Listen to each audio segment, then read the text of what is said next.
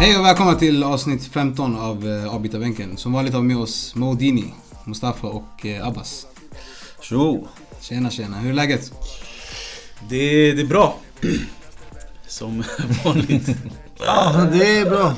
Det har varit en händelserik helg för mig. Utanför fotbollen. Oh, kan du berätta lite vad du har gjort? Ja, jag var ute i Romme. Åkte lite skidor.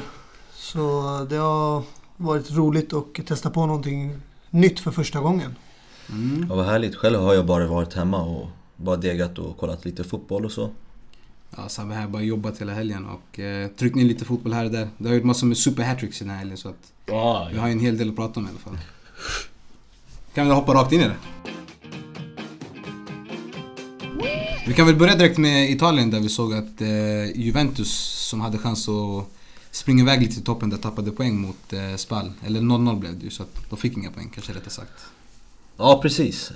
Det var ju en, en match som, eh, som var liknande den matchen som de hade mot eh, Tottenham och eh, mot Lazio. Enda skillnaden var att de gjorde mål där och vann de matcherna. Men lite, lite av samma spel Eh, spelade de med i den här matchen. Och eh, det var liksom lite, lite dött. De försöker liksom passa sig, passa sig och försöker få till ett farligt läge istället för att Istället för att verkligen våga gå fram direkt. Jag såg ju den här matchen så jag, jag, jag var ju absolut inte imponerad av Juventus sådär direkt. Men Alltså oavsett resultat, de skulle fortfarande ligga etta. Men eh, det händer ju Det händer ju liksom någon gång att man tappar liksom poäng. Och nu hände det mot Spall. Men alltså var det en, var det en händelserik 0-0 match eller var det en Nej, 0-0 match? Det var ganska chansfattig faktiskt. Inga så klara lägen och inget Inget, mm. inget sånt liksom. Det var ja, en, en tråkig liksom. En tråkig match faktiskt. Och det blev ju även 0-0 så... Ja. För ibland, för ibland kan 0-0 matcher vara mer intressantare än en, säg en 1-1 mm. match eller en 2-2... Eller ja, 2-1 match. Mm.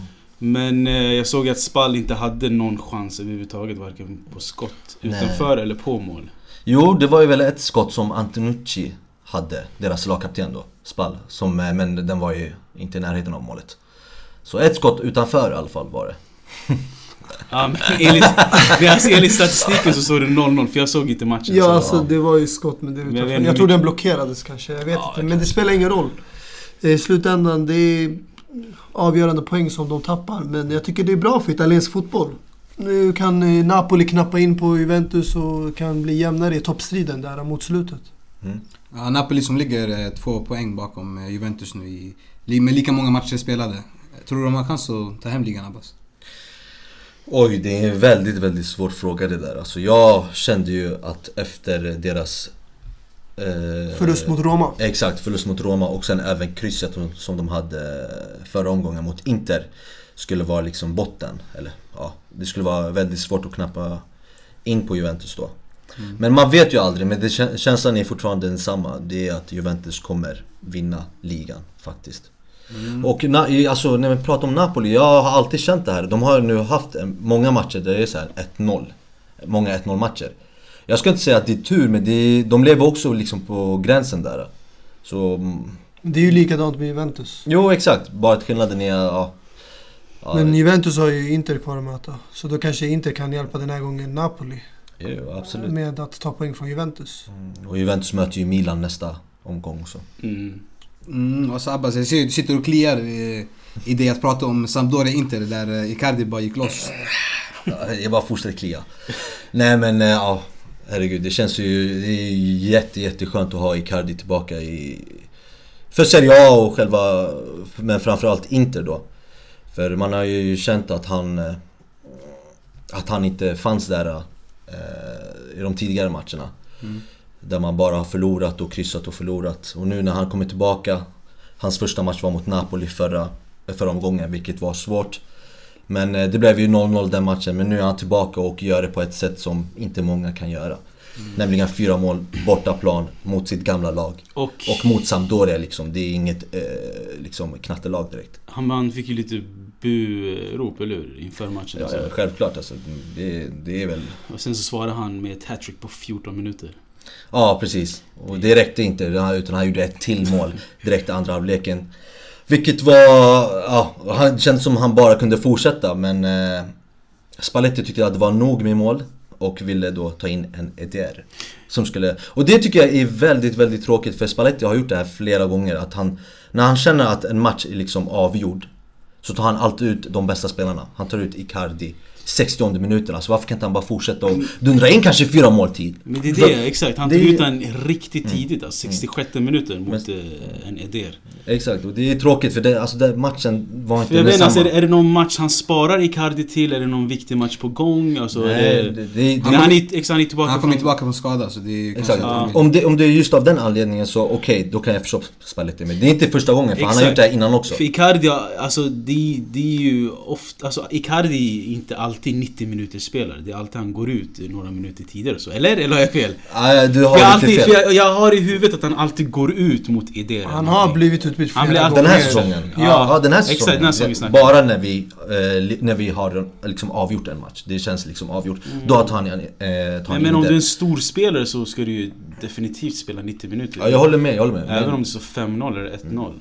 Det här är ju absolut inget, eh, bara för att klargöra, jag hoppas ni också känner sig likadant. Det här är ju absolut inte någonting med att Icardi eh, var trött eller att han var, liksom, inte håller 90 minuter. Så är absolut inte fallet. Det var bara på grund av att Baletti kanske vill vila honom. Han kom tillbaka från skadan. Mm. Och kanske vill inte, vill inte riskera en skada eller något sånt. Ja. Men 5-0, det var ju ganska bra siffror med ett bra mm. spel. Mm.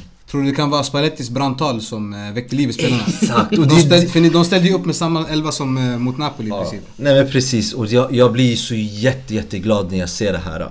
Speciellt så får alla experter och ni här, Dini, eh, Ativio och eh, Don Andres. Då får ni liksom, eh, vad heter det, äta upp, eh, äta upp era ord. För ni sa ju att det här skulle förstöra omklädningsrummet och att en tränare inte gör sådär. Men oj. Vad hände andra, vad hände andra match? 5-0! Och det finns inget, oavsett vad ni än säger eh, gubbar, så finns det ingenting ni kan säga emot.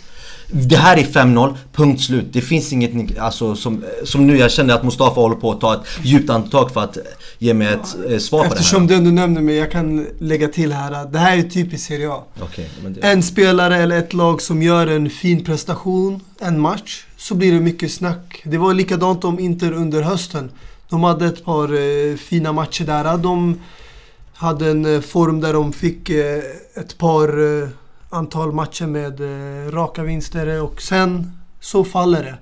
Så det håller ju inte i längden. Man vill ju se det här kontinuerligt. Och eh, för mig, när jag kollar på tabellen, okej, okay, de har en fjärde plats Men det är fortfarande en kamp om fjärdeplatsen. För ni har Lazio och Milan bakom er.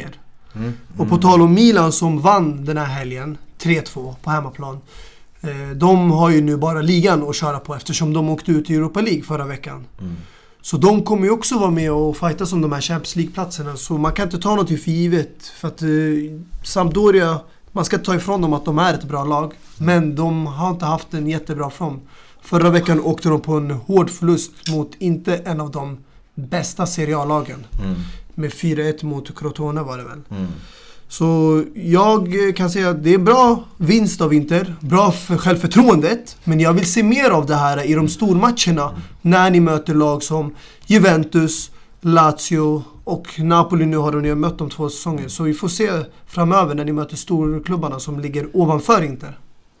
Okej, okay, men det här var ju, det var ju absolut inget svar på vad var Spalletti, liksom hans grej, vad han sa innan förra matchen. Du gav inget svar på det. Nej, du, vill, alltså, du säger nu att du bara vill se mer av det och det kommer du göra broder. Du kommer absolut se mer av det. Vi kommer inte förlora mot Hellas Verona nästa omgång. Och sen har vi derbyt därefter.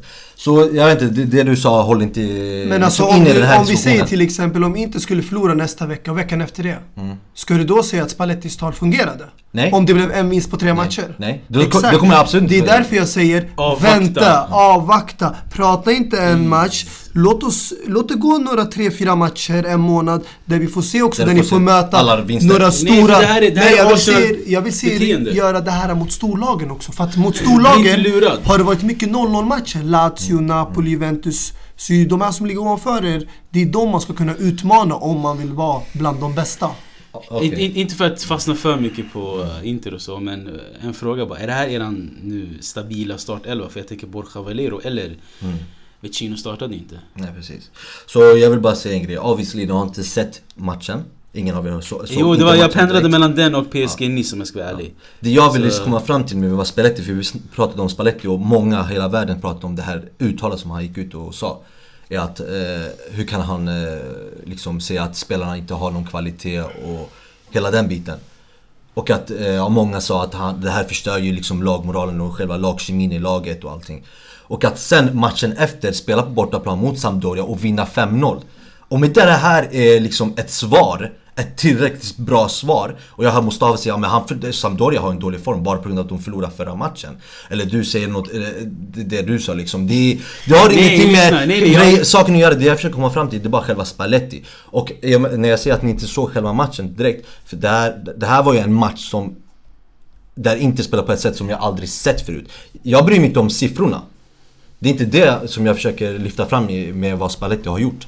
Det är själva spelet alla spelade för varandra och spelade ett sätt som jag aldrig sett förut. Alltså det här var, om ni säger att Napoli och Barcelona spelar bra fotboll. Jag lovar, det här var en sån match där, som Inter spelade. Men det är det jag vill, se, jag vill se mer av det. Jag hoppas ja, ni får spela det här ja, ja. nu matcherna. Men jag vet vad du försöker komma fram till. Du vill se mer av det här. Men det var inte det som är viktigast. Att man vill se mer av det här. Man vill se en respons på det dåliga som har hänt innan. Och det är det som har hänt. Att sen när ni säger att ni vill se mer av det här, det är en helt annan grej.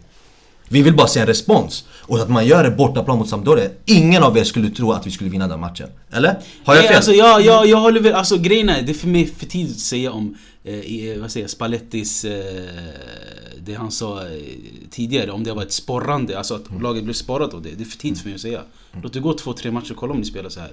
I slutändan, det finns ett mål för alla lag. Och för er topplagen, det är en Champions League-plats. Mm. Och det är inte över. Nej. Så även om det här sporrade nu spelarna det är frågan är hur länge det håller. För att om inte slutar på en femte plats då kommer inte man prata om det här uttalandet. Mm. Då kommer man glömma bort det. Och det är samma sak med Milan. De bytte tränare för att få en respons. För att få någon som eh, liksom väcker spelarna. Mm. Och det har de fått fram tills nu. För det har ändå gått ett eh, par antal matcher från Gattuso som har vunnit eh, en hel del matcher. Men frågan är, kommer det hålla till slutet? För när jag jämför, jag kollar till exempel Inter körde mot Lazio hemma, det blev 0-0. Och mm. när Milan mötte ett bra lag som Lazio, då vann de 2-1 på hemmaplan. Jag vill se lag där de vågar gå framåt, där de vågar ta risker mot de bättre lagen. Mm. Inte bara mot de sämre lagen. Mm. Och Inter är ett bättre lag än Sampdoria. Mm. Okej. Okay. Som sagt, eh, låt oss bara knyta ihop påsen och säga att det här, jag tror inte ni fortfarande förstår vad jag försöker komma fram till. Det är bara själva Spalletti-grejen som hände förra, eh, förra veckan. Där han sa att eh, spelarna inte har någon kvalitet och det här har varit dåligt och han, han har varit jättemiss... Eh, liksom, eh, har haft sitt missnöje med laget och hela grejen. Och att sen eh, eh ser man det här. Eh, att, att han liksom ger slag på käften till alla de här experterna, inte bara er liksom alla andra runt om som sa att det här, Spalletti är ju dum i huvudet, hur kan han göra det här? Och så kommer man ut i den matchen, det är bara själva responsen. Och sen det där som ni försöker komma fram till, det är en helt annan grej. Det är bara responsen, vad som har hänt med laget. Ja, för... Och, ja förlåt, bara, bara, bara lägga till det så, så att vi kan komma över hela den här grejen med Spalletti. Jag, att... jag vill också lägga till med Spalletti men mm. säg ditt då. Ja men okej, okay, ja. Han sa ju sen efter intervjun, eh, efter matchen så sa han i intervjun att... Eh, oj, nu måste jag tänka. Han sa att, eh, att jag inte vill ge spelarna komplimang. För om jag ger spelarna komplimanger så eh, slutar det med förluster och inte bra spel. Så jag gör det hellre på det här sättet. Och det är ju liksom bevis, det är ett underlag på vad som, vad som har skett nu senaste, eh, förra matchen. Ja, för övrigt jag gillade Spallettis Matthew McConaughey, Wolf of Wall Street ja, uh, gest alltså, när han klappar sig på bröstet. Mm, de var ju helt härlig. Ja, om vi håller oss kvar med Milano-lagen då. Vi kan ju snacka lite om Milan. Mm. Som eh, tog viktiga poäng mot eh, Chievo bortaplan. Eller hemmaplan var det till och med. Mm. Och eh, Andres Silva igen som eh, levererar och avgör matchen på, i slutet där. Mm. De har ju lika många vinster som Inter nu. I Serie A. Och eh, börjar sniffa er i nacken, Lazio och Inter. Mm. Tror ni att eh, det är en ny success på gång här? Nej, alltså nej. Med Gattuso? Nej. Och sen kan jag lägga till att eh, de har en match mindre spelad också. Än Lazio. Ja, tillsammans med Inter. Jajamensan. Det är ju derbyt som, kom, som nu har spikats. Det kommer vara den 4 april nu tror jag. Klockan 18.45 eller om det var 18.30. Så 4 april eh, spelas Derby della Madonnina. Och eh, det är väl där det kanske avgör lite Milans säsong. Vinner de den matchen så absolut, då är de med, verkligen, verkligen med i gamet om eh, Champions League-platserna. Mm. Förlorar de den matchen, ja men då, då, då tror jag faktiskt det är kört. Såvida inte Lazio eller Roma förlorar matcherna också. Men du måste ändå ge credit till Gattuso som har gjort det bra. Alltså om du kollar på elvan. När man pratar om stortränare som till exempel Mourinho som har använt Ashley Young som en vänsterback. Mm. Eller ibland Guardiola som har använt Fabian Delf som en mittfältare som en vänsterback. Mm. Gattuso har gjort likadant med Borini som inte egentligen är en mittfältare. Han är offensiv kant som han spelade nu i senaste matchen som högerback. Och att man lyckas vinna på det sättet för att båda hans eh, ordinarie högerbackar eh, Calabria och Abata är frånvarande. Så det här är ändå imponerande av en sån tränare som lyckas få ihop det med eh, den här truppen. Och eh, nu måste han använda sig av sådana spelare i försvaret. Och det är ju en risk. Mm. Men ändå lyckas eh, vinna ja, Nej, det... en match som de ska vinna i vanliga fall. Men de vann ju inte den övertygande, liksom, det var ingen övertygande vinst direkt. Och det var nära på, på att det skulle bli en 2-2 match. Det var en liksom, liksom, lite en sån match där, det, där ett kryss skulle Men det är sådana matcher där man inte liksom. är i sin eh, bästa dagar som där man ändå kan hämta ett resultat. Det är bra dagar. Det är där man hämtar tre poäng. Och sen kanske det kan vara Milans lägsta form. Men det är som man brukar säga om topplagen, eller hur? Deras lägsta form är bättre än eh, smålagens bästa form. Jo, men det här med Borini som du säger, ja absolut. Han spelade ju den matchen eh, som högerback på grund av att eh, Calabria skadade sig förra omgången. Eller förra matchen. Så därför spelade Borini där och Borini har ju i stort sett spelat högerback. Hela säsongen med Montella och med Gattuso i början. Det var högerytter då? Det, det var högerytter, ja men han spelade väl högerback där också. Det är som Marcos Alonso, han är ingen högerytter eller något sånt där Moses där, och liksom flera andra. Alltså, det är en stor skillnad att spela högerback på en fyrabackslinje och högerytter på en trebackslinje. För då har du tre mittbackar som försvarar och skyddar dig ifall du går framåt. Du kan inte ta lika mycket risker som en högerback i en fyrabackslinje. Ja, jag, jag förstår vad du försöker säga men man har ju ändå kvaliteterna, defens, de defensiva eh, kvaliteterna. Du tycker Mourinho har de defensiva Nej, kvaliteterna? Nej, om du spelar den positionen så besitter man ju, man får ju, man lär ju sig varje match man spelar Och han, han är ju en krigare så. Men eh, jag förstår vad du försöker säga, men hur som helst att spela Borini mot Kiev som inte har varit bra den här säsongen. Men som spelade bra just den här matchen är ju, är ju, det, var ju, det var ju bra. Om Dini, vad det, tycker du om Gattuso hittills? Hur han har gjort det i Milan? Alltså, väldigt bra. Alltså, jag tycker också man blir lurad av att Gattuso är en sån här äh, överdrivet hård och sträng tränare men i, när det kommer till kritan så är han ganska ödmjuk och vill sitt lag det bästa så mm. Jag tycker han gör ett bra jobb. Mm. Mm. Men jag, jag bara på att lägga till det här med Milan-matchen. Eh, det var ju en match som... Eh, eller där VAR eh, segrade.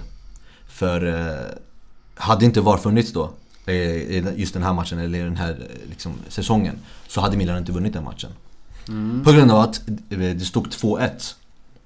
Där Kievo ledde med 2-1. Där de dessutom gjorde riktigt fint mål. Kievo, jag kommer inte ihåg vad han hette nu den här spelaren om det var hans Kepinski eller ja, som gjorde ett jätte, jättefint mål. Mm. Eh, det stod ju 2-1, men sen så gjorde Cotrone 2-2.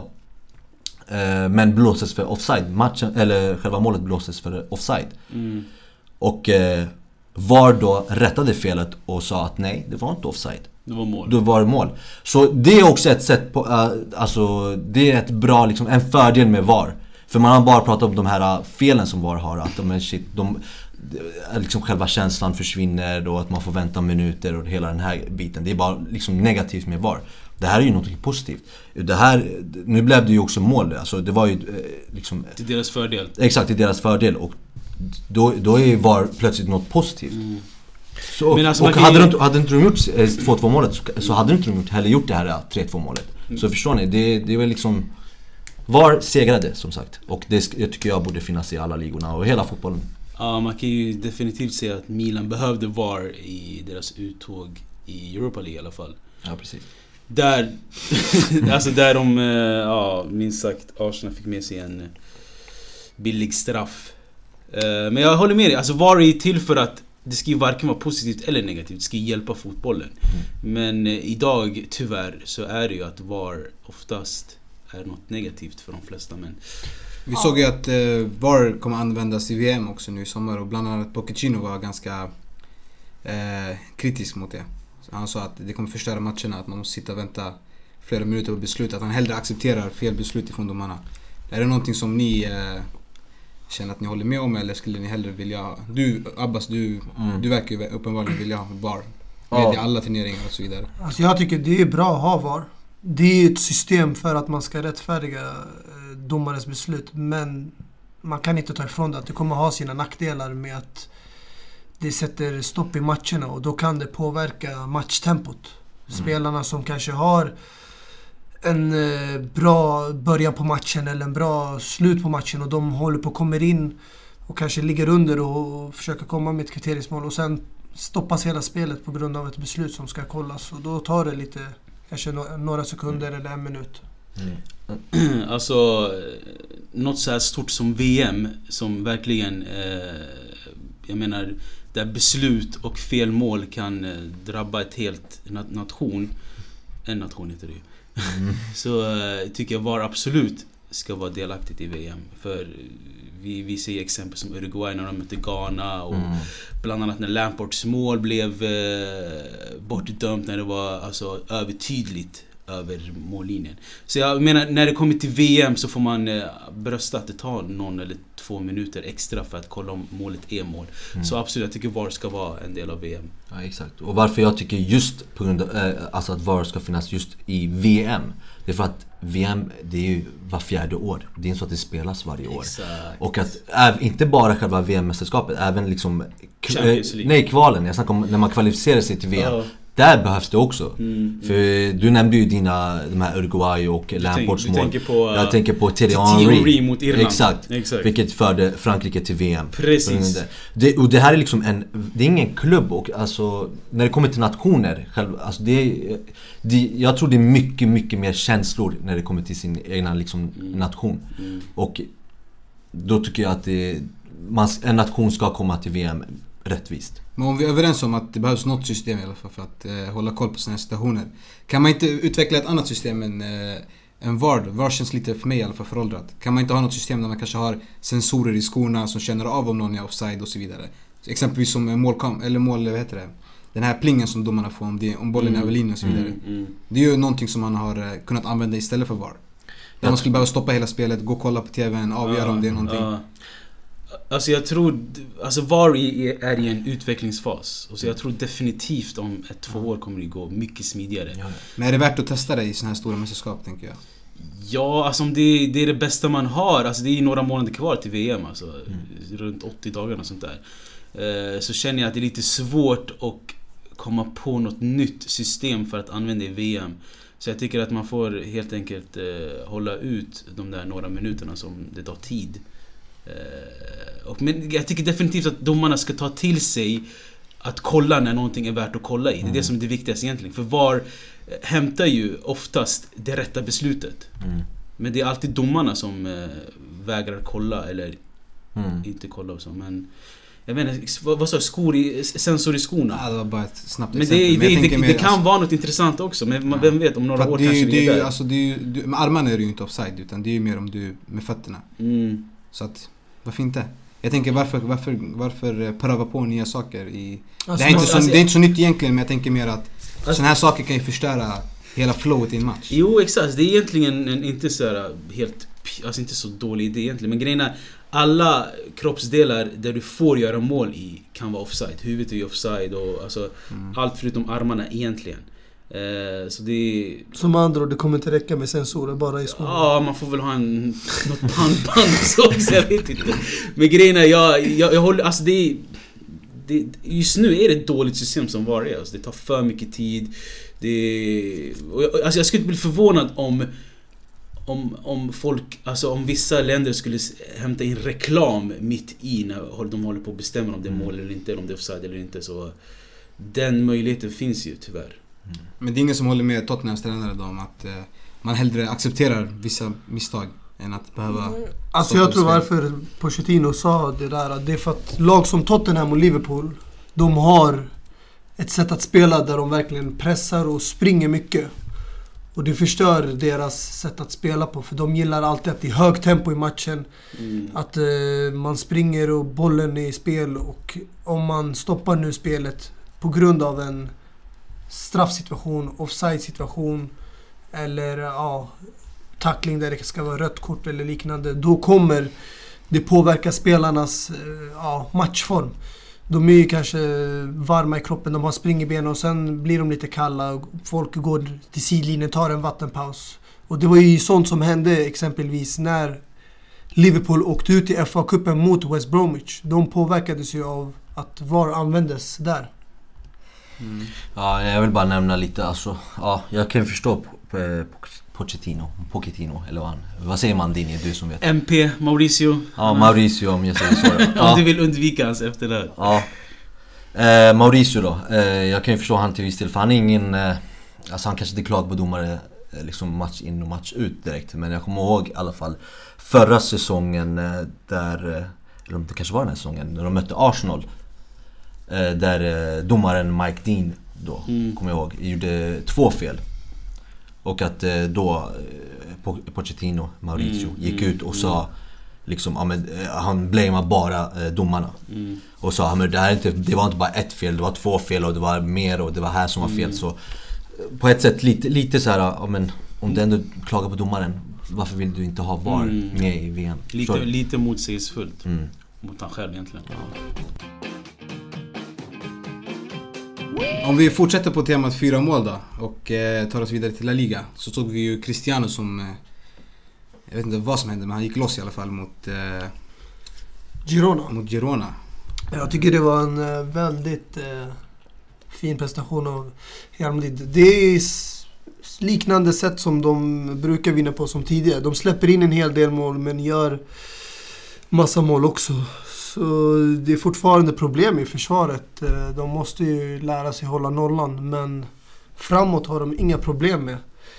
Jag tycker Zidane får för lite creds. Sättet hur han roterar laget. Han eh, vilar spelare som eh, Modric flera matcher och eh, nu senaste tiden har vi sett att Vasquez och Asensio startat flera gånger. Bland annat mot PSG borta då, där de vann också. Så de eh, får ju mycket, mycket mer chansen och jag tycker de är en del av det här nya Real Madrid som har växt till liv under våren. Inte bara Ronaldo som då gör målen. Så jag är väldigt imponerad av det här laget i helhet och själva truppen. Mm. Ja, du glömde nämna bara eh, min favorit Kovacic. För han har ju faktiskt spelat mer än Lucas Vasco och, och Asensio. Som var, han var ju enligt mig då majestätisk den här matchen. Men förutom eh, han då så spelade faktiskt Benzema som av no om det är någon som får så mycket skit så är det Benze, Benz. Och, men han var ju äh, majestätisk också han. Så... Ja, det var det var, det var, det var, som var majestätiska. Nej men, ja, men det var, om jag ska lyfta fram liksom två spelare just den här matchen Så är det faktiskt Kovacic, eh, Benzema och Marcelo var ju också bra men han är, brukar ju alltid vara bra. Så mm. det, var, det, var, det var i alla fall ett, ett spel som som ja, lite som jag, vi har pratat om innan. Real Madrid har börjat fixa ett spel som inte är likt Real Madrid. Och det händer just på grund av att de här Lucas Vasquez och eh, Asensio Kovacic, de här nya och flera andra eh, liksom spelar lite, lite som ett lag och låter Cristiano Ronaldo göra poängen. Vilket han även gjorde i den här matchen då han gjorde fyra mål och ett assist en assist till, eh, till eh, vet han, Lucas Vasquez. Cristiano han har ju gjort 37 mål i alla tävlingar den här säsongen och han har ju Alltså han har ju haft ett riktigt starkt 2018 nu där han började. Han har gjort 17 mål på 8 matcher. 8 senaste matcherna. Och om jag får slänga till en till stat. Han Absolut. har gjort sitt 50 hattrick mm. in all competitions. 50 hattrick! Det är, det är 50 gånger 3 bara där alltså. Det är helt sjukt alltså. Ah, Men grejen alltså alltså i halvlek, Real Girona såg 1-1. Kan ni tänka er, såg 1-1 och matchen mm. slutade 6-3. Så jag trodde det här skulle bli en eh, fortsatt spännande match men... Ja, det var bara... Mm. Något som Juventus kan lära sig av den här matchen Mm. Det är ju att uh, göra så som Girona gjorde.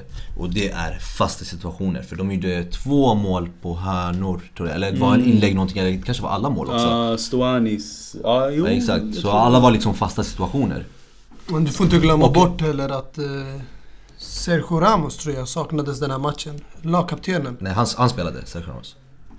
Ramos spelade ju inte. Mm. Men jag tror han var... Det var Nacho Fernandes och Rafael ah, Varane ah, i försvaret. Sorry, sorry, sorry, jag hörde att Ramos var, var, var dålig i magen och sånt där eller? Så det är därför jag sätter mycket respekt till tränaren Zidane. För att han har både ändrat formationen. Förut har de brukade spela 4-3-3. Nu spelar han mer än 4-4-2. Där han har två anfallare, antingen Ronaldo, eh, Bale eller Ronaldo Benzema. Och sätter Asensio och Vasquez längre ner på kanterna. Och eh, det är därför jag tror Modric har börjat rotera mer, som har kommit in i 30-årsåldern. Men jag är chockerad att se Isco mer och mer på bänken nu. För han var ju mer startspelare under förra säsongen. Mm. Och eh, vi såg ju även Atletico Madrid eh, som eh, torskade borta mot Villarreal. Och Real, eh, de, eh, Real Madrid då, de ligger ju eh, fyra poäng bakom Atletico Madrid. De har ju chans att knappa igen i alla fall lite revansch här på slutet av säsongen och eh, komma ikapp. Ja, så jag tror inte det kommer spela någon så stor roll för något av lagen. Om de landar på andra eller tredje plats. Men det är kanske bara... Det är ändå Real Madrid liksom, tänker jag. Ja, indirekt rivalitet mellan lagen då. Mm. Som kanske spelar någon roll. Men jag tror båda faktiskt lagen de här kommer fokusera på deras eh, Europaresa då. Mm. Atletico Madrid i Europa League, som är kvartsfinalen, och eh, Real Madrid då i Champions League. Så har vi ju även eh, Girona som eh, spelar deras första säsong någonsin i La Liga. Och endast är två poäng bakom Sevilla till Europa League-platsen. Det är väldigt starkt. Det är väl ett rekord va? Att man kommer upp direkt från li, vad heter det? Vad heter La Liga? Nej, Segunda. Segunda. Segunda, exakt. Segunda, ja, division. Är det så man säger?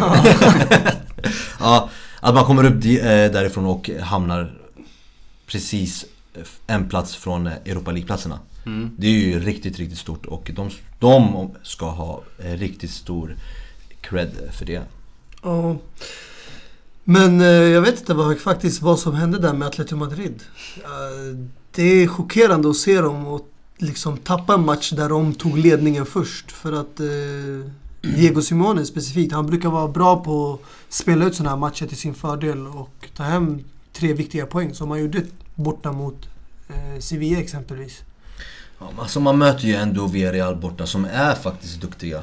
Men eh, och det har ju lite med motivation tror jag också. För nu är det lite liksom nästan, eh, vad heter det, poäng... Eh, att, man, liksom, att det är helt kört Matematiskt. För, matematiskt, exakt. Omöjligt för dem att, eller typ omöjligt, att vinna ligan. Då Barcelona kommer vinna den.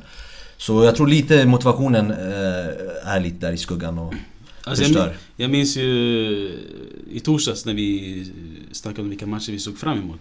Nämnde vi bland annat att vi såg fram emot Villarreal och Atletico Madrid. Precis. Och det var ju en intressant match alltså. Det var massa gula kort, rött kort i slutet och Enas Unai som gjorde två mål i slutet. Mm. Gamla City-anfallaren som var utlånad Mm. En rad... Jag tror han... Var han ett nyförvärv nu i januari? Han var ju det. Alltså, för Villarreal menar du? Ja. Uh, nej, det tror jag inte.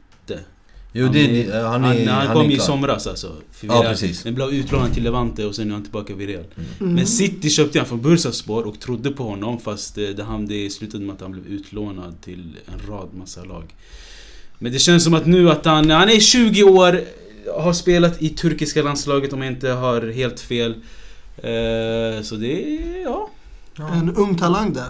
Ja, vi har snackat mycket om, vad heter Romas anfallare? Sengic under. Ja. Man glömde ju nämna deras vinst ja, också. Exakt. Men eh, massa sköna turkiska unga anfallare i Europa. Mm, för det var en, en som var väl den största talangen någonsin. Exakt, som inte man hör någonting från. Va, han är, han är Vart är han nu då? Celta Vigo, ja. Jag tror på lån från Dortmund. Mm. De har inte köpt loss honom. Jag, inte vad jag vet i alla fall. Jag säker. Men jag tänker, på, jag tänker på en annan nu när vi är inne i det turkiska temat. Mm. Eh, Jonas Mali. Vet, han spelar i Bundesliga någonstans. Han är också grym alltså. Eh, så det är mycket spelare som Turkiet har Eh, det återstår bara om alla väljer att spela för turkiska landslaget eller om det blir som... Eh, ja, som Gundogan och eh, Özil som har valt att spela för eh, tyska landslaget. Eller Boateng. Eller han valde ju Nobba. Eh, Ghana eller? Ja, och spelar för Tyskland också. Det är många som gör det för du, Tyskland. Du tänker på Jerome Boateng? Exakt. Hans brorsa Kevin Prince Boateng spelar för Ghana. Ja, mm -hmm. alltså många väljer ju att spela för Tyskland för att uh, Tyskland är en av världens bästa lag. Du ja, men alltså jag tänker alltså... Turkiet är inget lag som brukar utmana EM och Ghana för den delen i VM. Så man väljer alltid det bästa laget. Sen finns det ju vissa fall där man blir chockerad. Som du nämnde, jag tror med uh, McTominay. Mm. Som nobbade England för Skottland. Skottland. Uh. Det var chockerande. Ja men alltså grejen är alltså, jag, det, man, kan ju, man kan ju diskutera kring om det är ett smart val eller om det inte smart val. Det smarta är ju att McTominay vet att han har en större chans att representera Skottland i en snar framtid. Än att representera ett större lag som, men England har större eh, competition. Ja, men samtidigt om man kollar liksom på Englands bredd och så. Eh, mm. Man måste ju också kolla långsiktigt i framtiden. Han är en ung spelare. De har inte så många mittfältare idag. Många har passerat eh, deras bästa. Sen finns det ett par stycken som man skulle kunna konkurrera med om man vågar ta utmaningen. Så för mig handlar det om att man också vågar. De här som tar, väljer till exempel Tyskland nu, de här turkarna. De tar ju ett modigt steg i livet för att de kommer konkurrera med de bästa spelarna i världen. Mm. Ibland behöver man kanske inte gå efter sin modig... Eller vad heter det? Att man är... Du tycker att man ska ta det säkra för det osäkra? Ja, inte bara det. Man kanske inte vill vara modig och ta liksom England, just den nationen för... Eh, det är, det är en liksom nation med spelare som Beckham, Giggs, Lampard, Gerrard, ja, Rio Ferdinand. Jag kan bara fortsätta. Och mm. de hade de här spelarna i, i, den nationen, i det laget, men in, vann inte någonting eller kom ingenstans. Så varför ska McTominay med sina, vem, Jack Wilshere eller vem, vem det nu kan vara, ta dem till eh, någonting? Så därför tar han kanske Skottland och det är väl där han kommer ifrån. Så han följer hjärtat och det ja, är ett smart val tycker jag. Men grejen är så jag tänker alltså det, det är inte så svårt att slå sig in i engelska landslaget egentligen. Alltså om du har haft Alltså som, som till exempel Spanien. För Spanien är nästan omöjligt att slå sig in. Mm. Det har blivit lite enklare nu i de, de senaste åren. Men eh, alltså spelare som Borja Valero och Mikael Arteta har inte ens fått se den röda spanska tröjan alltså. Men i England är det ju annorlunda. Alltså, jag kommer ihåg Typ Zaha gjorde en, två bra matcher, blev direkt uppkallad. Shawcross. Shawcross. Eh, alla de här. Och i, idag blev ju vet du, till exempel, vet han, Alfie Mawson från Swansea, från Swansea uppkallad. Mm. Eh, det var en annan också, Tarkovski från eh, Burnley tror jag han spelar. Så det är inte så svårt att bli uppkallad. Det svåra är att maintain your place Exakt. in England. Och det är något Och det är något som England eller engelska förbundet måste verkligen ta tag i för det, det, alltså, det, det, det, ska inte gå att ha sådana spelare som de hade under 2000-talet. Att grabbar. inte få det liksom mycket bättre än vad de har kommit till. Det är helt klart. Så därför är det liksom rätt av spelarna att följa sina hjärtan och ta det, det, det laget som de kommer ifrån. Istället för att eh, ta England som inte ens kunde vinna någonting med de här. Förstår du? Ja, grabbar, nu vi börjar lämna lite ämnet. Jag vet mm. att ni är lite excited för att det är landslagsuppehåll och så. Men eh, vi ska lämna det där. Jag tycker vi går tillbaka till La Liga där Sevilla också åkte på stor torsk. Alltså jag fattar inte vad som händer. Det är, de går från en eh, stor seger mot United, kvala Champions League-final, till en förlust mot, vem var det? Leganes. Mm. På bortaplan. Alltså det är också väl en nykomling i La Liga. Men alltså Leganes, det... Leganes har väl alltså, gett Real Madrid en match också om jag inte minns helt fel? Ja, det var i Copa del Rey där, mm. där Real Madrid roterade och de hade inte de bästa formen. Det var den perioden som de ville glömma bort. Men Sevilla ska vinna den här alla dagar i veckan. Det är match de ska ta hem. Alltså de kommer troligtvis inte vara det laget som lyfter Champions League-bucklan. Så om de ska ha någon chans på att kvala till Champions League och eh, det enda laget som jag kan tänka mig de hinner kapp just nu Även om det är för stort avstånd, alltså det är nästan omöjligt. Det är Valencia som har den fjärde platsen. Och det är nu säkert nästan omöjligt. Så det är liksom eh, Europa League-platser de får tänka på istället och försvara den. För de har ett lag som är bara två poäng bakom dem. Mm. Om vi kollar lite längre upp i tabellen då, kollar på Barcelona som tog sin eh, 36 raka, eller seger, eller inte seger, de har inte torskat på 36 matcher i La Liga. Om man räknar in eh, förra säsongen också då. Och eh, det var en intressant match där eh, målskyttet inleddes av Paco Alcacer för att Messi sedan gjorde andra målet. Och så var det flera chanser där bland annat Paulinho kunde göra mål och eh, Coutinho hade ett målläge. Och Ribba hade han också. Mm. Och eh, ja, tror ni de kan slå rekordet på 38 matcher, Ambiren, i La Liga? Är det rekordet nu eller? Det är rekordet. Ja, så det beror på vad deras nästkommande matcher är. Vilka... De möter Sevilla och sen Leganes. Är det Sevilla på hemmaplan då? Det är en bra fråga. Alltså, ja, det är inte omöjligt alls alltså. Ja. Men eh, en fråga, var Suarez skadad den här matchen eller? Han var avstängd om jag minns rätt nu. Okay, ja. Mm. Ja, nej men det är mycket möjligt alltså. Det... De mötte Sevilla borta. Det är inte liksom... Eh, hemma.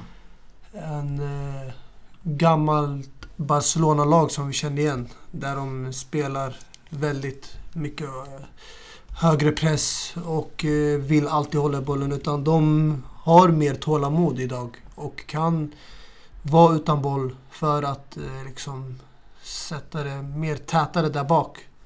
Det är ett bra defensivt eh, Valverde har skapat. Så all respekt till Valverde. Och sen vet jag inte hur Barca-styrelsen ser på det här i det långsiktiga. Om de vill fortsätta spela på det här sättet. För jag vet inte om det är hållbart. Hur menar du?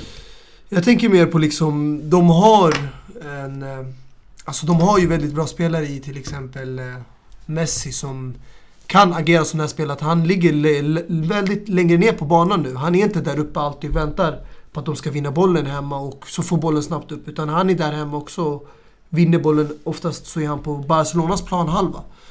Men spelar upp hela vägen upp och då slutar det alltid med att kanske han gör ett mål eller assisterar en annan spelare.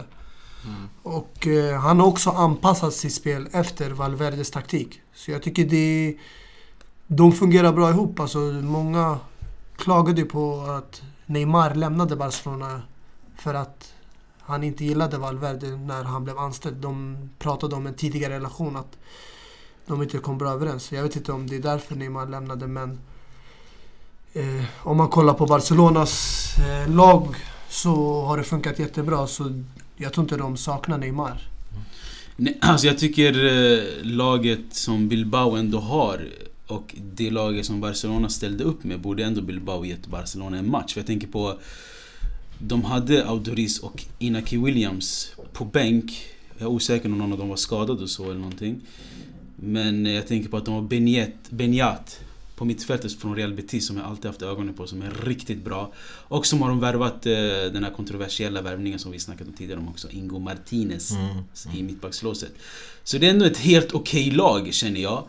Även om det här inte är deras eh, superstarkaste lag som de kan ställa upp med.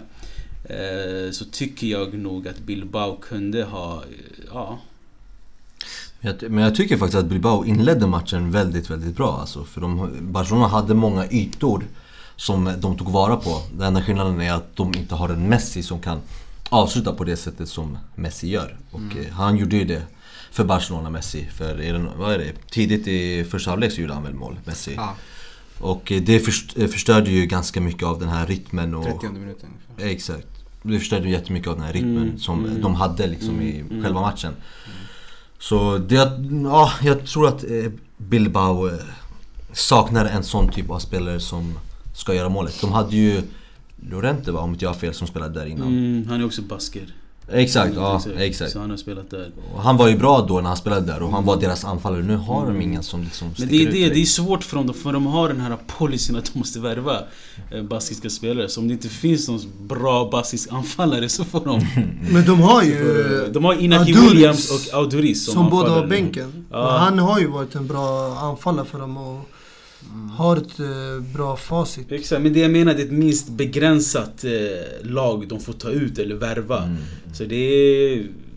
De har ändå klarat sig rätt så bra, tänker jag. Alltså allmänt överlag. Mm. Men vad tror ni? Tror ni Barca tar rekordet på 38 matcher obesegrade? Alltså om de har, vad sa du? Leganes och Sevilla. Sevilla borta, Leganes hemma. Uh, Sevilla kanske blir Eller jag vet inte, Sevilla är två olika lag i Champions League och i La Liga. Varför kan du inte spela sen mot United? Nej, de kommer ta den och... Sjukt, alltså. Nu vet han, eh, Pablo Sarabia i Sevilla fick ju rött kort så han kommer inte vara med i den här matchen. Inte för att han kanske är en, deras bästa spelare direkt. Han är Men- en nyckelspelare. Ja, han är, han, är, han är bra men det är ingen Banega. Det är ingen eh, sån liksom som man verkligen behöver i ett lag. Så jag tror... eh, Alltså det sjuka är att du alltid hittar din favoritspelare Nej, lite. men alltså, alltså jag undrar vart den röda tråden är för Kovacic var ju din favorit i Real Madrid och nu är det Banega din favorit här i Sevilla. Kan, jag- kan jag fråga dig vad den röda tråden här är? om, om du menar den, att... den du- tråden är, den är svartblå. Ja exakt, det är svart Nej, tråd. men jag ska vara helt ärlig grabbar, grabbar helt ärlig. För det, det är inte så jag är. Jag är väldigt, väldigt opartisk när jag, tar, när jag nämner mina spelare och när jag ska prata liksom.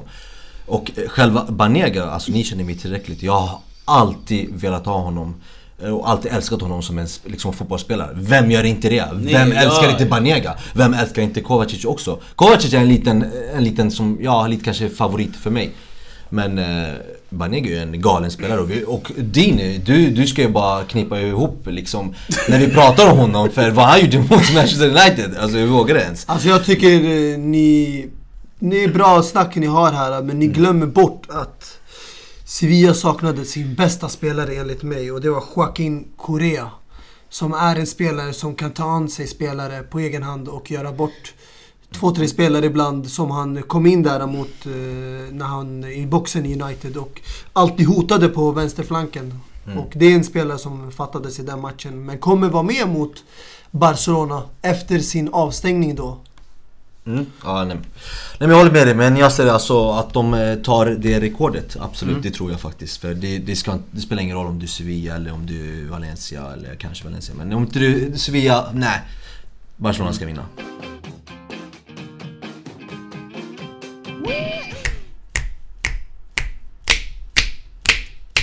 Salah dun, dun, dun, dun, dun, oh, dun, dun, dun, dun, dun. Salah din broder, du är inte normal. Du är inte normal Salah. Bara gör fyra mål och en assist. Vem gör sånt där? God damn!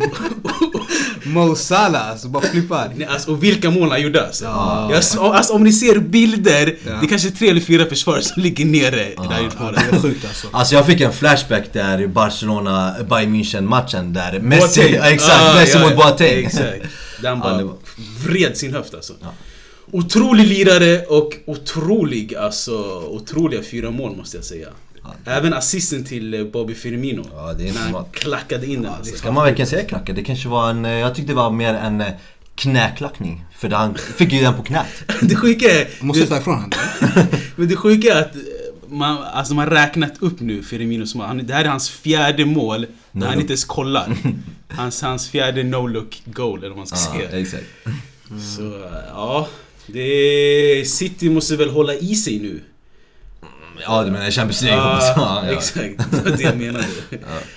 Nej, jag håller med dig. Nej, men det, det var, det var, det var... Vill du att vi ska gå in i Liverpool-matchen direkt Gärna, eller? vi kan göra det på en gång. De Ja. ligger ju två poäng bakom Manchester United nu. Ja. Med en match mer mer spelad då.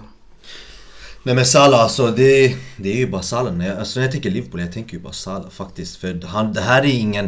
Det var många, eller Dini, du sa ju det också, du också Mustafa.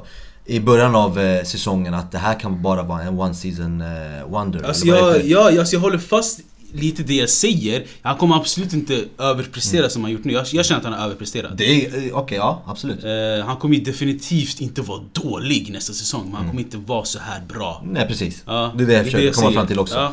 Att äh, om du gör så här många mål, det, det finns ingen, ja men du hade en bra säsong. För det, det- alltså, det går inte att göra så här många mål och bara vara usel säsongen efter. Det går inte. Det handlar inte om att vara usel, det handlar om Liverpool, hur de bygger sitt lag. För att om de värvar in nya spelare som kommer ta plats i laget, det kan påverka en annan spelare.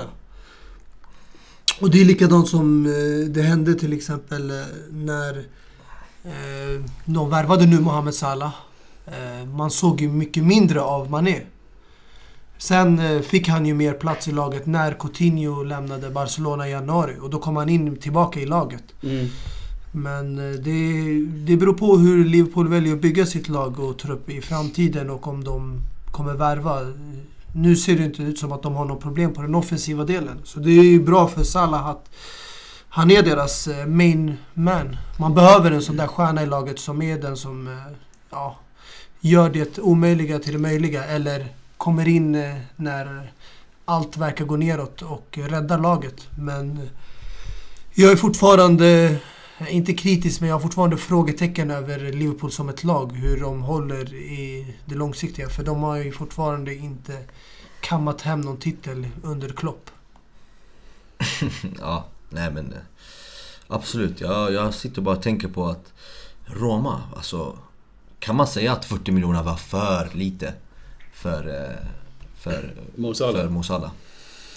Det är klart man kan. Vadå, vad menar du? Varför sitter du alltså, och tänker? 40 miljoner för Mo Salah, alltså 200 för alltså, honom. Kolla, Okej, okay, inte 200 men... Alltså över 100, 100 millar, absolut. Det tycker jag. I förhand kunde du säga att det inte är mycket. Utan det, det är normalt. Men i efterhand kan du att se var lite. Men det är bara för att du jämför med dagens marknad. Hur priserna har varit när spelare har köpt Alltså du kollar på City som har värvat eh, mittbackar och ytterbackar för 50 miljoner. Sen har du Chelsea United som har värvat anfallare för 60-70 miljoner. Och sen nu Barcelona som har värvat eh, ja, offensiva spelare för över 100 miljoner och samma gäller PSG. Det är ju bara för att marknaden har blivit som den är och den, priserna stiger med tiden. Värdet av pengarna är inte detsamma. Och det är synd. Det är därför Liverpool gjorde, för mig, ett riktigt bra kap. Det är bra summa. De ska, om de ska jämföra med alla andra topplagen som köper spelare för orimliga summor. Uh, alltså grabbar, jag måste säga en sak. När jag såg uh, hans fyra mål den matchen och, uh, och jag såg att han hade 36 mål den här säsongen. Jag började fundera på en sak. Jag, vet, jag vill att ni reder ut det här till mig. Han, uh, om han gör det bra i Champions League och han tar Egypten i alla fall till eh, förbi gruppen och lite längre i VM. Tror ni att han har en chans att vinna Ballon d'Or? Mohamed Salah. Alltså, jag tycker så här, Ballon d'Or, det har ju alltid varit... Det har ju faktiskt varit det förutom en säsong, 2010, men jag vill inte gå in i det. Eh, där, om du ska vinna Ballon d'Or så behöver du titlar. Du mm. måste vinna liksom, eh, ja titlar. Och Salah har ju inte vunnit han kommer ju med största sannolikhet inte vinna någonting. Så då tycker jag faktiskt att man ska ta bort honom från Ballon d'Or-listan. Om man går ut efter det där. Annars absolut topp tre, det är ingen snack om saken tycker om jag. Om man fortsätter på den här vägen. Om, man, om, vi, om, vi, om vi säger att han skulle vinna Champions League och han skiner verkligen i VM. Mm. Då är det ingen snack om ja, saken för mig. Då, då, ska, då tycker jag absolut han ska vinna. Alltså om han vinner Champions League med dagens Liverpool, då tror jag att han kommer vara en stor kandidat. Sen vet jag inte. Andra lag som eh, är med i VM, om de vinner, till exempel om Messi skulle vinna VM med Argentina och han vinner La Liga. Eh, då tror jag att det är större sannolikhet att till exempel Messi vinner. Eller om Ronaldo skulle vinna VM med Portugal. Mm. Man vet ju aldrig vad som händer. Det är bara ett scenario som jag kan försöka måla upp. Men jag tror inte någon av de här sakerna kommer att hända. Jag har en annan liten bubblare också. Som jag tagit upp tidigare, jag vet inte om ni minns han. Kevin De Bruyne. Om han vinner Premier League, han kommer väldigt långt i eh, CL och sen väldigt långt och skiner i VM. Har han chans att... Inte vinna, nej. Jag, jag, jag, alltså, jag, jag är lite mer, jag lutar mer åt vad Lam sa om Ballon d'Or. Att de som vinner Ballon d'Or, det brukar bara vara anfallare. Och det, det är... Till nu viss, för tiden? Ja, exakt nu för tiden. Ja. Det är ju till en viss del också sant. För man, för man brukar inte kolla för, på de här andra, för de sticker kanske inte ut på samma sätt som anfallare i dagens fotboll. Och eh, därför tror jag att Kevin De Bruyne kanske inte, nej han är inte, han kanske hamnar topp tre som bäst men absolut inte vinner. För min del, Kevin De Bruyne, han är ju ändå en bra målskytt för att vara mittfältare. Han eh, kommer oftast in i boxen och jag ska inte jämföra honom med Kaká, men om han är en av Citys viktiga spelare till en bragdis Champions League. För de har ju aldrig vunnit den i historien. Och skulle det vara så att de vinner Champions League och han blir en av de avgörande spelarna som gör mål i semifinal, final och gör det riktigt bra med Belgien i VM, mm. om de tar sig långt, så kan han bli en kandidat till eh, eller, Ballon d'Or. Men då måste han vara den spelare som står i centrum och vara en av de viktigaste spelpjäserna. Och det har han gjort hittills för mig i Premier League. Han har ju varit den spelaren som sticker ut av eh, ja, allihopa. Uh, ja, sorry. Bara en, jag vill bara fråga er om ni vet vem, som, vem det var som vann eh, Ballon d'Or 2005. Vet ni det? Ja, Det, det var Ronaldinho. Du tänker på Ronaldinho. året efter Fabio Cannavaro? Nej, innan, 2000. det var innan. Alltså jag tänkte när eh, Liverpool vann eh, Champions League. Michael Owen? Eller? Nej, de vann ju Champions League. Ja, ja, det ja. året. För jag tänkte, eh, Gerard var ju, var ju den som stod i centrum. då. Exakt, exakt. kom trea. Han vann ju inte. Eh, Ja, de är inte samma typ av spelare men under den tiden, alltså... Men det är det, grejen att jag känner att Ballon d'Or har tappat betydelse. Alltså förut det var det var mer spännande. Alltså en, en, en spelare som Oliver Kahn kunde komma trea som målvakt. Gigi Buffon kom tvåa 2006 efter Cannavaro. Så det var alltid spännande. Alltså Kaká har vunnit. Eh, Shevchenko har vunnit, Pavel Nedved har vunnit Ballon d'Or, Michael Owen har vunnit och eh, Roberto Carlos kom två. Alltså det är såna spel, alltså massa olika namn som bara dyker upp i eh, etta till eh, tredje plats. Men nu alltså det känns som Alltså i dagens läge, Mo Salah har inte chans att vinna Ballon d'Or tyvärr. Alltså, det är, tyvärr, men han ska ha chans egentligen. Men Ballon d'Or för mig är inte längre... Men du kan inte säga att han Världens- har chans för att i slutet av karriären, det är inte målen folk kommer räkna. Det är, det Det är titlarna. titlar, exakt. Och om du inte har en succé bakom dina mål, om dina mål inte har lett till titlar, så har de inte lika stor betydelse. Och det är därför till exempel man har kritiserat ibland när Ronaldo och Messi har vunnit för att de har inte, vissa år har de inte levererat jättemycket titlar. Utan det har mest varit att ja, de har gjort 60-70 mål per säsong eller kalenderår. Ja, men då tycker jag att Ballon d'Or ska skifta betydelse. För det här är ju, Ballon d'Or enligt mig är en individuell presentation, prestation. Det är inte laget i sig. Så om du är en bra spelare, säg i Liverpool som inte vinner någonting. Är du inte en bra spelare individuellt? Ska du hela tiden koppla det till hur många titlar han har vunnit med laget? Nej, men- Säg, säg, säg att han spelar till ett sämre lag. Liverpool är ett sämre lag kontra eh, Real Madrid och Barcelona. Är det hans fel att han spelar i ett sämre lag? Nej Ja, men... Så jag menar att eh, i så fall måste man verkligen alltså säga vad Ballon d'Or är för något. Är det en individuell presentation? Vad säger presentation för? Prestation? Eller är det en eh, lagets prestation? Du har en jättebra poäng i det du säger. Men den här individuella prestationen, det måste ha en betydelse. det Jag måste ha en fattar tyngd. det du menar. Alltså, men då kopplar, du lag, då kopplar du det till Jo, laget. Ja, men titlar. när folk tänker Real Madrid, laget, vem tänker man på? Man tänker på Cristiano. När folk pratar om Barcelona, vem är det som sticker ut? Vem tänker man på? Det är Messi. Och det är de här som laget står bakom, som man bygger sitt spel runt om. Mm. Liverpool kanske har börjat bygga sitt spel runt om Mo Salah, så han är stjärnan. Men om du kollar matcher över hela säsongen, eh, i ligan också, inte bara i Champions League. De har inte tagit lika mycket poäng som Man City och det finns en anledning för att det finns matcher där de har förlorat mot jättedåliga lag, bottenlag, där de har spelat oavgjort. Och där har Mohamed Salah inte st- liksom stuckit ut från matchen och räddat laget när det väl behövs. Som Ronaldo och Messi gör för sina lag. Och då har han hamnat i skuggan. Och han måste vara där mer ofta om han ska kunna också individuellt utmana de bästa spelarna i världen och för att hans eget lag ska kunna ta sig till de här eh, titlarna och finalerna i kupperna och Champions League. Alltså jag håller med du, du nämner, när man tänker på Barca tänker man på Messi och när Real Madrid tänker man på Cristiano. Men bakom Messi finns en Busquets, en Iniesta, en Gerard Piqué, en Mark Ter, äh, André Ter Stegen. Och bakom Ronaldo finns det en Modric, det finns en eh, Sergio Ramos, Royce. Kroos. Vad säger jag? Kroos. Kroos. Jag blandar ihop Royce och Kroos. Kroos. Kroos. Så det jag menar, vem har Salah bakom sig? Säg mig, vem har Ja, han har- I slutändan är fotboll ett, eh, alltså ett, en kollektiv sport. Det är 11 spelare som spelar tillsammans. Mm. Så i slutändan, om Ronaldo eller Messi har en dålig match så finns det en Busquets, så finns det en Iniesta, så finns det en. Ramos. Han har så ändå, finns han har det ändå en- Jordan Henderson bakom sig. Så grejen är, det jag försöker säga är det Salah har gjort och vilka, vad säger man, redskap han har att utgå ifrån så gör han det otroligt, otroligt bra. Men, Så du kan inte, alltså det, för mig är det ens ett ord, jag, jag tycker inte om när man jämför spelare med andra spelare. men vi alla vet om att du kan inte vinna Ballon d'Or i vilket lag som helst. Men det är därför jag säger Det är Ballon d'Or, det, är- det är ingen, för mig det är ingen titel som utmärker Alltså, det är, världens bästa spelare. urvattnad. Ett Ja, det, det, ty- tyvärr är det så. Då måste du spela i de bästa. Det är därför spelare oftast vill gå till till exempel Real Madrid. För där har du chans att inte bara vinna Ballon d'Or, men du har chans att vinna de största titlarna. Spanien du, överlag alltså. Det är ja, alltid minst och, två spanska lag, eller inte tre som du måste, du måste liksom... Fast om vi ska vara helt ärliga, det är ju Messi och Cristiano som har varit bäst de här senaste åren, när de har vunnit. Ja. ja, men vi får inte glömma bort, som du nämnde tidigare, Michael Owen har vunnit Ballon d'Or med Liverpool. Men det var en tid där Liverpool var bra som ett lag. Nu har de inte vunnit ligatitel på 30, över 30 år och de har de vann Champions League för 13 år sedan. De måste komma tillbaka till toppen om man ska bli en sån här spelare som ska vinna Ballon d'Or. Och de har tyvärr tappat den statusen och därför kan de inte heller locka till sig många kvalitetsspelare. Istället tappar de spelare som Suarez och Coutinho till Barcelona.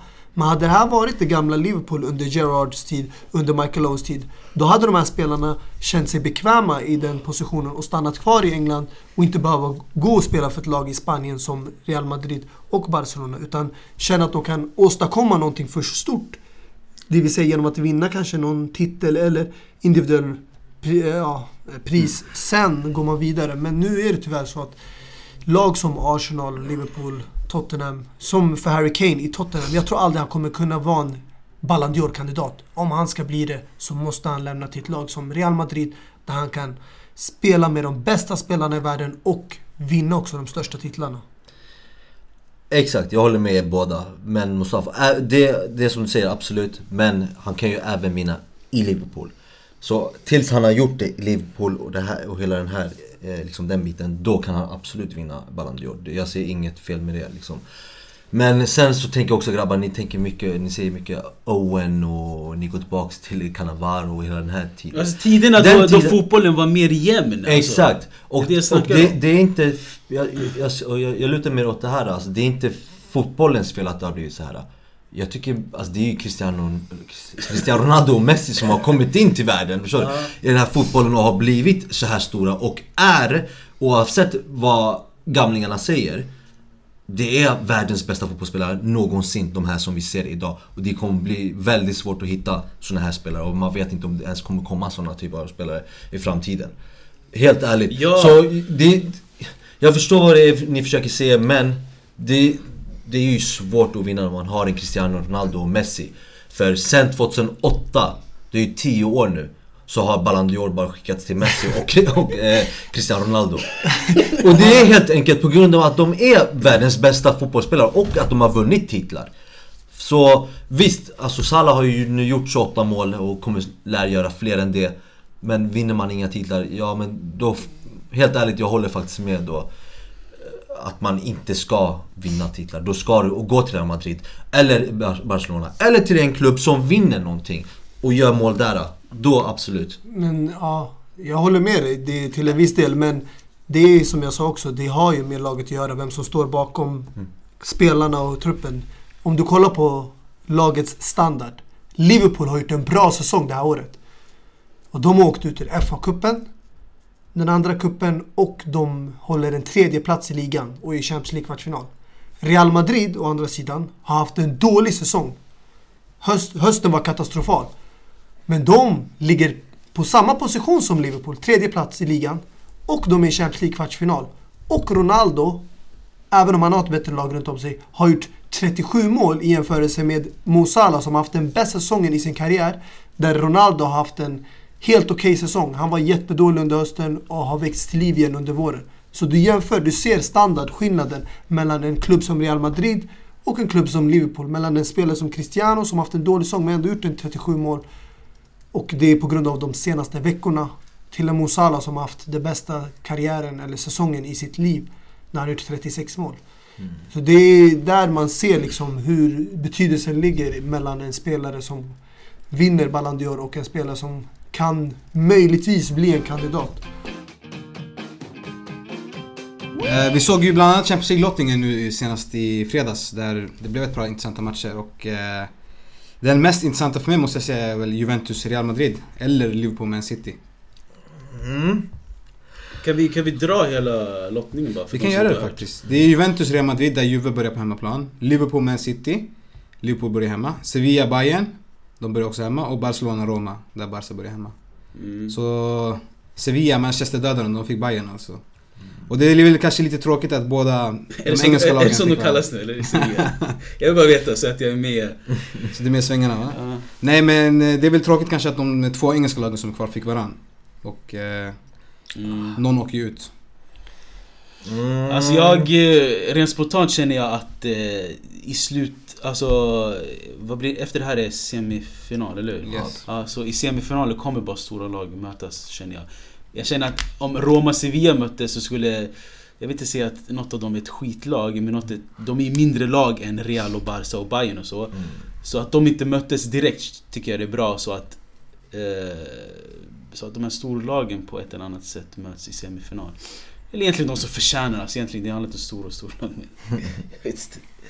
Nej men jag tycker faktiskt att den intressantaste matchen här det är ju Barcelona-Roma, tycker jag i alla fall. Sen så vill man även se Juventus-Real Madrid. Men Roma-Barcelona, det är ju... Alltså det kommer, det kommer vara så öppet. Det är ett lag, Roma tänker jag då på, som inte kör, liksom parkerar bussen på ett sätt. Eh, som andra lag gör när de möter Barcelona. Men eh, det, det kommer vara väldigt, en väldigt öppen match. Och eh, jag vet inte, man kanske får se ett eh, Florenzi-mål igen. Mm. Eller inte. Nej men annars är det ju Juventus-Real Madrid den största matchen. Och eh, den matchen, ja, jag vet inte hur jag ska beskriva den. Det kommer vara två väldigt organiserade lag som, mö som möter varandra. Och eh, jag tror, jag tror att det, alltså det är antingen vinna eller försvinna vilket det även är när man spelar kvartsfinal. Men eh, för Juventus, för Juventus del, för de har kommit till finalen flera gånger men inte vunnit. Real Madrid har kommit till finalerna och vunnit.